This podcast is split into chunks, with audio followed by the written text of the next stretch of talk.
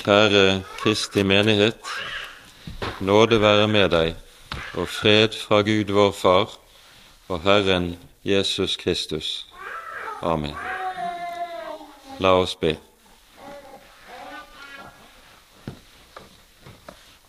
Kjære du vår Herre og vår Frelser. Vi takker og lover deg at du kom for å frelse og forløse syndere. Takk, Herre Jesus, at det fortsatt er sant at du er synderes venn.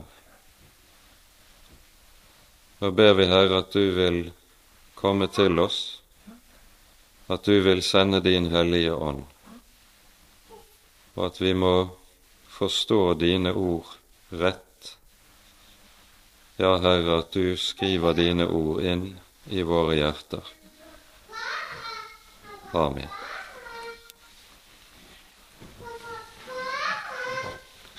Dette hellige evangelium står skrevet hos evangelisten Johannes i det niende kapittel, fra vers 39.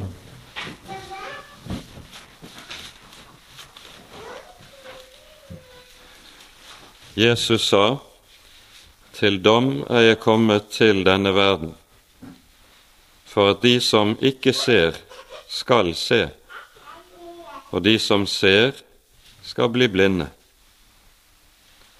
Noen av fariseerne som var der sammen med ham, hørte dette og sa da til ham, Vi er kanskje også blinde?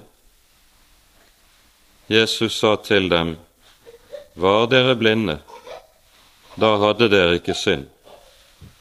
Men nå sier dere, vi ser. Derfor er dere fremdeles skyldige. Hellige Far, hellige oss i sannheten. Ditt ord er sannhet. Amen.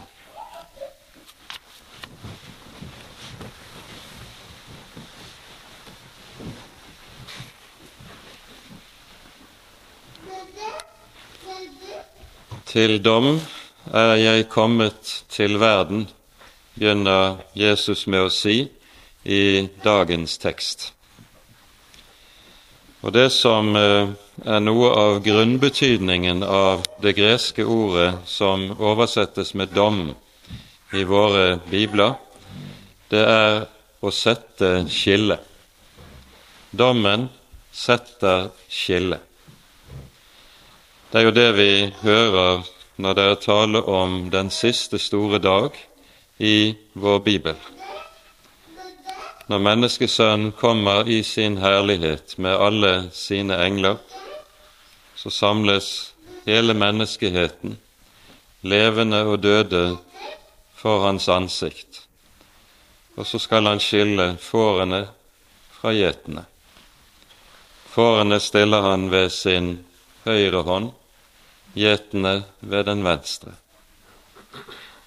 Og så etableres det skillet som aldri, aldri kan overvinnes, der det ikke lenger er mulighet å skifte side.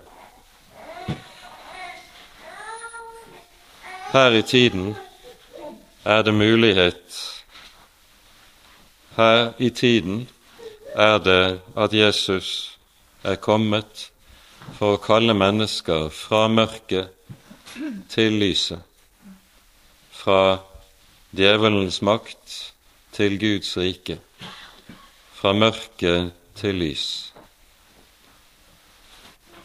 Men Jesus setter skillet allerede her i tiden, her i verden. Og dette ser ut til å være noe som er helt grunnleggende i hele Guds måte å arbeide på. Vi hører det allerede på skapelsens morgen. Når Gud skaper lyset, så sies det at Gud sa 'bli lys', og der ble lys. Og så følger det umiddelbart efter og Gud skilte lyset fra mørket. Mørket kalte han natt, lyset kalte han dag. Og senere gjennom hele frelseshistorien så er dette Guds gjerning. Han skiller lys fra mørke. Det som gjennomgående er menneskets gjerning, det er at de blander lys og mørke. Og Denne blanding skaper alltid uklarhet, det skaper forvirring, det skaper forførelse. Det er absolutt nødvendig til klarhet at dette skillet får lov til å settes og til å stå.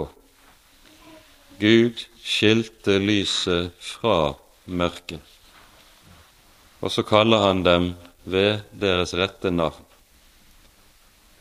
Mørket kalte han natt, Lyset kalte han dag. Og dette er og blir Guds gjerning også i åndshistorie. Han setter skillet og kaller de ulike leire ved deres rette navn. Det falne mennesket viker tilbake fra begge deler. Og det vi hører i dagens tekst, det er nøyaktig samme sak. Til dom er jeg kommet til verden, for at de som ikke ser, skal se, og for at de som ser, skal bli blinde. Jesus setter skillet. Og dette skillet, det ser vi følge gjennom hele hans liv og hele hans virke. Det lyder jo om ham allerede like efter at han er kommet til verden, når Maria og Josef bærer ham til tempelet på den 40. dagen etter fødselen. Så møter de gamle Simeon, som tar barnet på sine armer og sier:" Denne er satt til fall og til oppreisning for mange i Israel. Og slik var det gjennom hele Jesu virke. For noen ble han til fall, for andre til oppreisning og til frelse. Noen tok anstøt, noen fant livet. Det er et enten-eller i dette. Der ligger ingen gråtoner. Der er ingen mellomposisjon, ingen tredje middelvei. Det er enten-eller, like som det er det på den siste store dag. Til dom er jeg kommet til verden, sier Jesus for at de som ikke ser, skal se, og for de som ser, de skal blindes. Fariseerne svarer på Jesu ord med en, eh, et ironisk spørsmål. Kanskje vi også er blinde? Og Jesus svar setter alle ting på plass. Var dere blinde, hadde dere ikke synd. Men fordi dere sier at dere ser, blir deres synd. Det som vi ser skje i hele Jesu liv og virke, det er jo at det slett ikke er syndere som tar anstøt av Jesu person det er de fromme. Det er egenrettferdigheten som alltid tar anstøt av Jesu person. For det som er den største hindringen når Gud skal inn til et menneske, det er aldri et menneskes synd, men det er alltid menneskets egenrettferdighet. I går talte vi om ordene i Galaterbrevets annet kapittel, der vi leser følgende Da vi innså at et menneske ikke blir rettferdiggjort av lovgjerninger, men ved tro på Kristus, så trodde også vi på Kristus. Det er altså tale om en innsikt da vi innså. Og det å få denne innsikt, det ser ut til at Gud stadig må kjempe og har uhyre meget strev med oss for å bringe oss dit hen at vi ser dette, at vårt eget verk duger ikke når det dreier seg om Guds rike, når det dreier seg om frelsen. Da er vårt diskvalifisert. Da er vårt overgitt til døden for at vi skal leve på det en annen har gjort. Til dom er jeg kommet til verden. Og så lyder dette da vi innså. Jesus skaper denne innsikt hos noen. Og det som jo er tilfellet i Jesu liv, det er at Jesu virke henger uløselig sammen med døperen Johannes' virke forløperen. Og Forholdet mellom Jesus og hans forløper, Johannes, det er som forløpet mellom, eller som forholdet mellom loven og evangeliet. Døperen Johannes legemliggjør i sitt virke lovens embete, lovens forkynnelse. Jesus legemliggjør i sitt komme evangeliet. Han er det legemliggjorte evangeliet. Og så kalles døperen for veirydderen. Han sier om seg selv for at han, Jesus, skulle åpenbares for Israel. Derfor er jeg kommet. Jesus ville ikke blitt hørt, ville ikke blitt mottatt uten denne veirydder på forhånd, som skaper ved sin forkynnelse syndenød, syndserkjennelse, og som gjør at når Jesus er der, så står det om ham alle tollere og syndere holdt seg nær til ham for å høre ham. De fariseere som holdt seg nær til Jesus, de holdt seg nær til ham for å søke å bringe ham til fall. Det var en ganske annen ånd, for de var aldri kommet dit hen som døperens forkynnelse kunne føre dem da de innså. Dit kom de ikke. Og så kommer anstøtet på Kristi person. En slik frelser har de ikke bruk for. Var dere seende, hadde dere ikke synd. Var dere blinde, hadde dere ikke synd. Men nå sier dere at dere ser. Derfor blir dere synd, sier Jesus. Kanskje på omtrent samme tid i sitt virke er det vi hører Jesus si i Matteusevangeliets ellevte kapittel følgende Disiplene har vært sendt ut til Galileas byer for å forkynne evangeliet. Og de vender tilbake og så hører vi Jesus bryte ut i en takksigelse og sier:" Jeg priser deg, Fader, himmelens og jordens Herre, fordi du har skjult dette for de vise og forstandige, og åpenbart det for de umyndige. Ja, Fader, for slik skjedde det som var velbehagelig for deg. Hvem var de umyndige?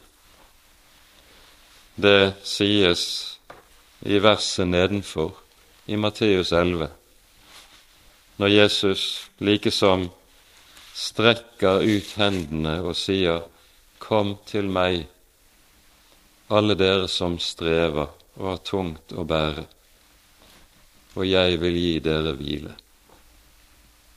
Det er de umyndige. Det er de som kom til å bli avhengige av Jesus for sitt bare liv.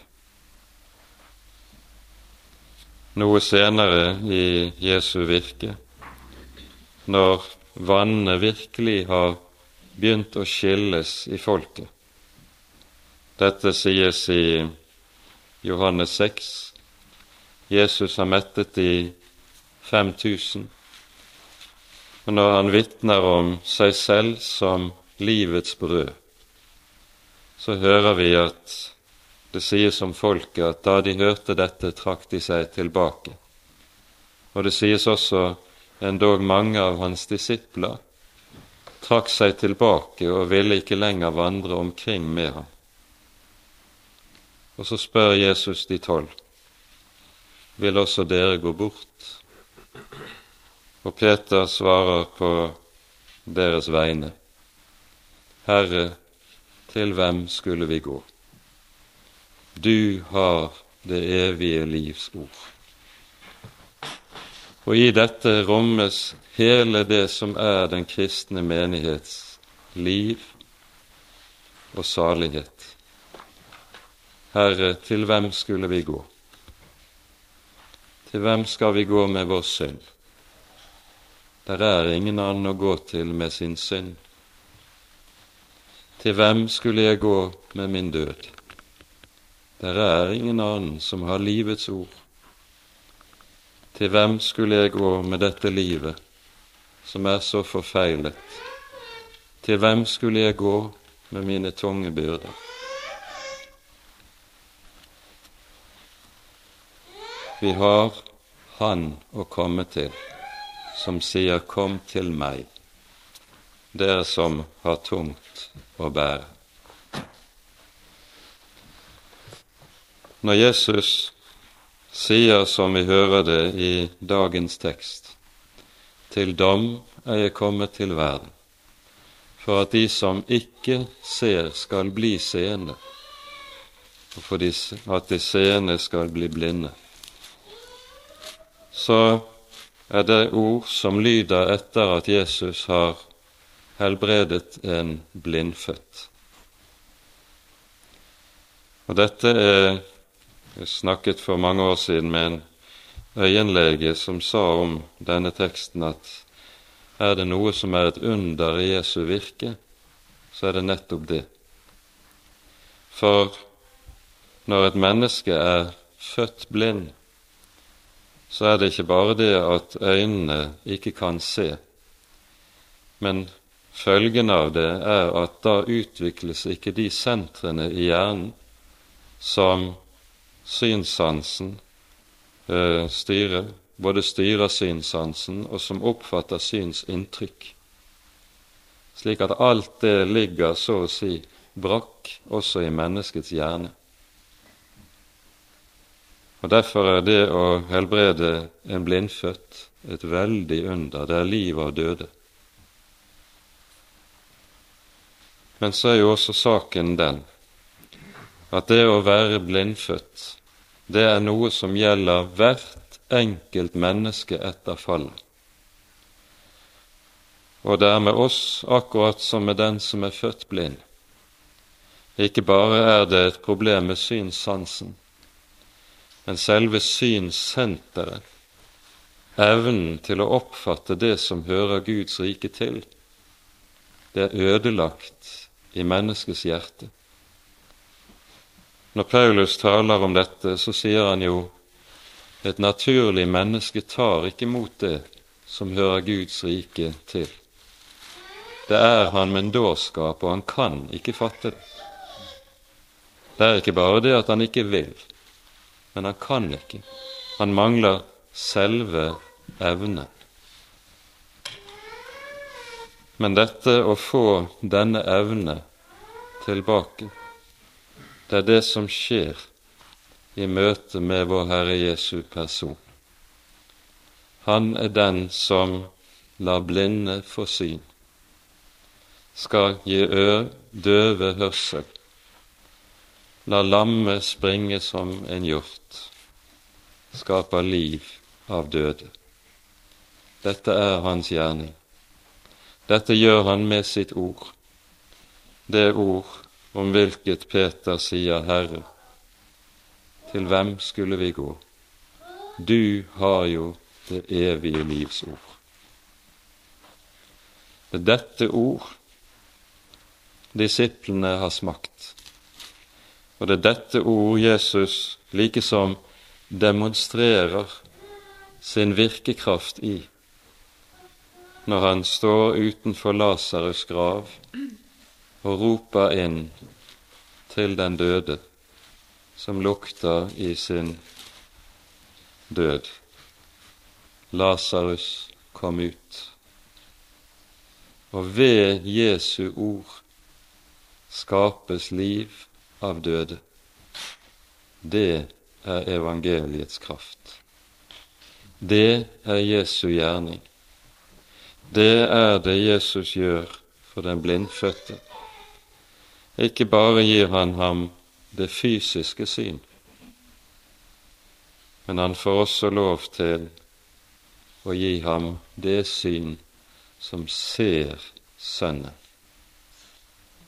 For når Johannes skal sammenfatte hva som er innholdet, selve summen av evangeliet som han skriver, summen av samlivet med Jesus, så sier han vi så Hans herlighet. Vi så Hans herlighet.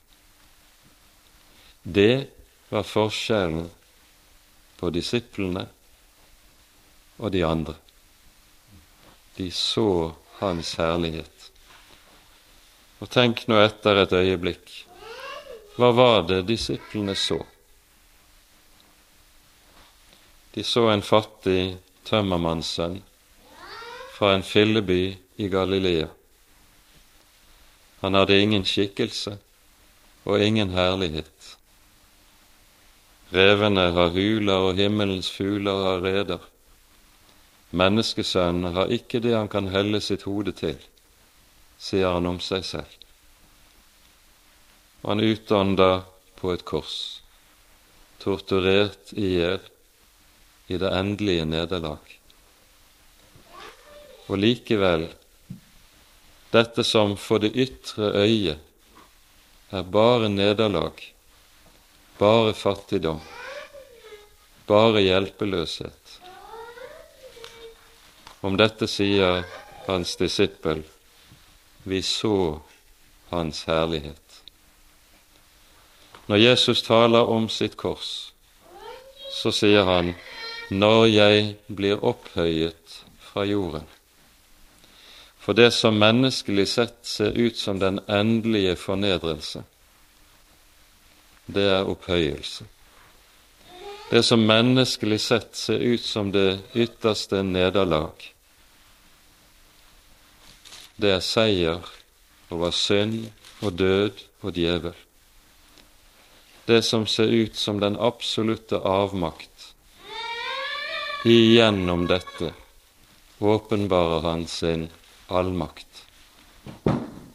Vi så hans herlighet. Det taler om det som bare troen ser, og som det ytre øyet, og som vantroen selv er ute av stand til å se. Vi så Hans herlighet. Og dette er det som er det kristne liv. Det handler om dette store spørsmål ser vi ham? For han har sagt tidligere i Johannesevangeliet dette er Guds vilje, at den som ser Sønnen og tror ham, han skal leve. Er nettopp dette å se. I det er det livet ligger gjert. Og med dette så får vi også øye på noe som er en grunnsannhet i Guds ord. Han har det med at han alltid skjuler det største i det som ser lite og ubetydelig ut. Slik er det jo ikke minst med den hellige nattverd. Hva er denne lille kjeks, denne dråpe av vin? Ingenting, menneskelig talt. Og likevel her, i dette som ser så lite ut, er det Han rekker oss hele forsoningens fylde syndenes forlatelse, Guds sønns legeme og blod, i brød og vin. Det største skjules i det minste. Og for Guds folk er det slik at også her, om dette kan vi si, vi så Hans herlighet. For dette er også nadværens store og usigelige gave, at der kommer Han selv til oss. Til dom er jeg kommet til verden, sier Jesus, for at de som ikke ser, skal bli seende, og de seende blir blinde. Når Jesus taler som vi her hører, så knytter han an til profetenes budskap i Det gamle testamentet. I Jesajas 35. kapittel hører vi når løftet lyder om frelsens dag. Si til de urolige hjerter, vær frimodige frykt ikke. Se, der er deres Gud. Tenk det sies. Denne fattige tømmermann er Gud som vandrer på jorden. Og så kan de si om ham, se, der er deres Gud. Og så fortsetter det, da skal de blindes øyne åpnes, de døves ører lukkes opp. Da skal den lamme springe som en hjort, og den stummes tunge juble. For kilder bryter frem i ørkenen og bekker i ødemarken. Her er Han som skaper liv av døde. Her er Han som skaper liv hos døde. Her er Han som skaper liv i hjerter som føler at her er alt dødt, øde og godt. For Han er den levende Gud, kommet for å forløse syndere.